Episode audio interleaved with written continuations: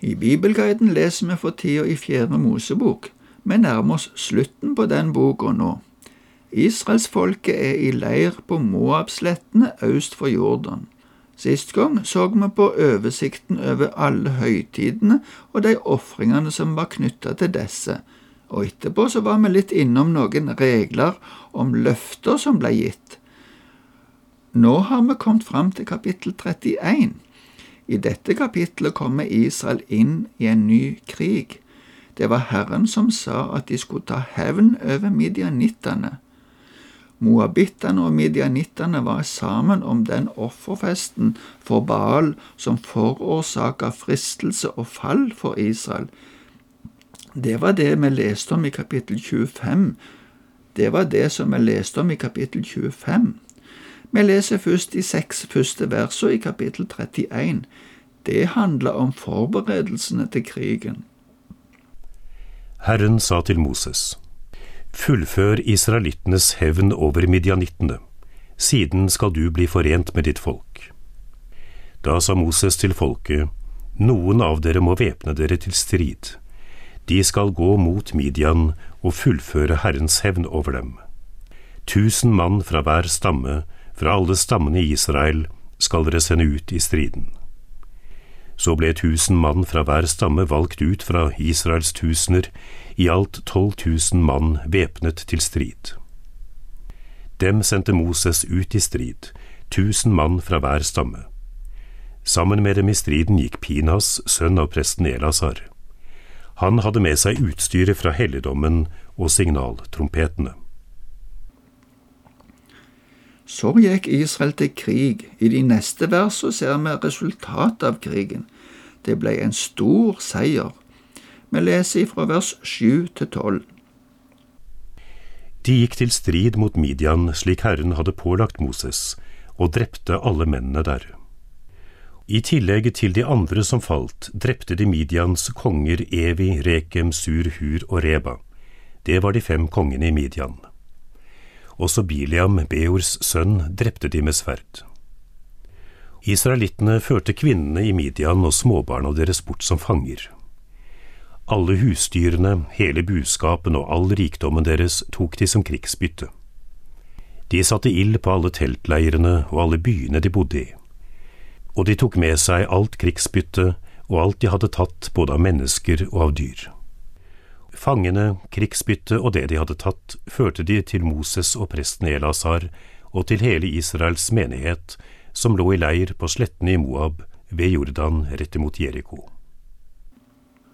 Det høres utrolig brutalt ut, og det er ikke slik at dette skal være en norm for god krig, men her var det Guds dom over dette folket.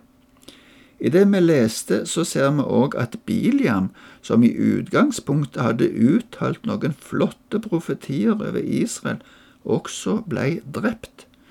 I fortsettelsen sies det mer om hvorfor han var der, og hvorfor han blei drept. Vi ser òg i det som vi leste at kvinner og barn ikke blei drept, men tatt til fange. Dette var ikke helt i samsvar med det Moses hadde sagt. Vi leser videre fra vers 13 til 20. Moses, presten Elasar og alle lederne i menigheten gikk i møte med dem utenfor leiren.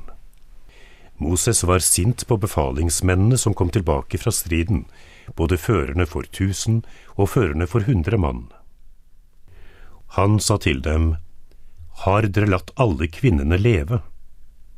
Husk at det var disse som på Biliams ord lokket israelittene til å være troløse mot Herren den gangen ved Peor, så det brøt ut pest i Herrens menighet. Drep nå alle guttebarn og alle kvinner som har ligget med menn. Men alle småjenter som ikke har ligget med menn, skal dere la leve. Så må dere holde dere utenfor leiren i sju dager. Alle som har drept noen, og alle som har rørt ved noen av de falne, skal rense seg den tredje og den sjuende dagen. Det gjelder både dere og fangene deres. Alle klesplagg, alt utstyr av skinn, alt som er laget av geiteragg, og alt utstyr av tre skal dere rense.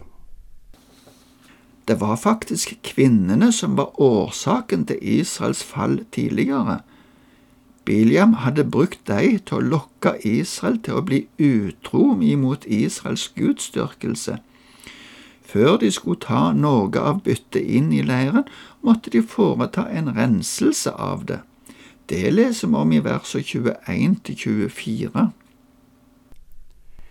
Presten Elasar sa til stridsmennene som hadde vært med på felttoget, Dette er en forskrift i loven som Herren påla Moses. Gull og sølv, kobber og jern, tinn og bly. Alt som tåler ild, skal dere la gå gjennom ild så det blir rent. Så skal det renses med renselsesvann. Men alt som ikke tåler ild, skal dere la gå gjennom vann. Den sjuende dagen skal dere vaske klærne deres så dere blir rene. Etterpå kan dere komme inn i leiren. Krigsbyttet skulle deles likt mellom de som var med i hæren og de som var igjen i leiren. De skulle òg ta ut ei gave til Herren ifra byttet. Vi leser ifra vers 25 til 30. Herren sa til Moses, Du og presten Elasar og de som er overhoder for familiene i menigheten, skal telle opp krigsbyttet dere har tatt både av mennesker og av dyr. Så skal du dele det likt mellom krigerne som var med på felttoget, og resten av menigheten. Fra krigerne som gikk ut i strid, skal du kreve avgift til Herren. Én for hver 500, både av mennesker og av storfe, esler og småfe. Dette skal du ta fra deres halvpart, og du skal gi det til presten Elasar. Det skal være en gave til Herren. Av israelittenes halvpart skal du ta én av femti både av mennesker og av storfe, esler og småfe, av hele buskapen, og gi til levitene som tar seg av tjenesten i Herrens bolig. Moses og presten Elasar gjorde det Herren hadde sagt. Det ble gjort en opptelling av alle dyr og mennesker. I teksten videre fram til vers 47 så står både summen og hver av delene nevnt men vi skal bare ta med versene 31 til 35, som viser totalen av dette utbyttet. Moses og presten Elasar gjorde som Herren hadde pålagt Moses. Krigsbyttet, det som var igjen av byttet krigerne hadde røvet, var i alt 675 000 småfe, 72 000 storfe og 61 000 esler. Av mennesker var det i alt 32 000 kvinner som ikke hadde ligget med menn. Det var en omstendelig prosess å fordele byttet. Vi ser også seinere i Israels historie at de som hadde vært ute i striden, skulle dele med de som ikke hadde vært med. Det var òg viktig at noen holdt seg til leiren. De skulle òg ha sin del av resultatet ifra krigen. Prinsippet om å dele med hverandre og ikke ta alt sjøl er et viktig prinsipp. Som sagt kan det være vanskelig for oss i vår tid å forstå denne brutale krigen og den totale ødeleggelsen av midjanittene. Det viser at Gud dømmer de som står imot han. Israel skulle få det landet Gud hadde lovt dem. I fortsettelsen ser vi litt om hvordan det hadde gått med de israelittiske soldatene som hadde vært med i denne krigen. Vi leser ifra vers 48 til 50. Så kom befalingsmennene over hæravdelingene fram for Moses, både tusenmannsførerne og hundremannsførerne. De sa til ham, Dine tjenere har talt opp de krigene vi hadde hånd om, og det manglet ikke én mann. Nå kommer vi med et offer til Herren. Hver av oss har med det han har funnet av gullgjenstander, armringer, armbånd, fingerringer, øreringer og halskjeder. Det skal være til soning for oss hos Herren. Det mangla ikke en mann ifra Israel. Herren hadde beskytta sine. Det hadde han gjort den gangen, og det gjør han fremdeles.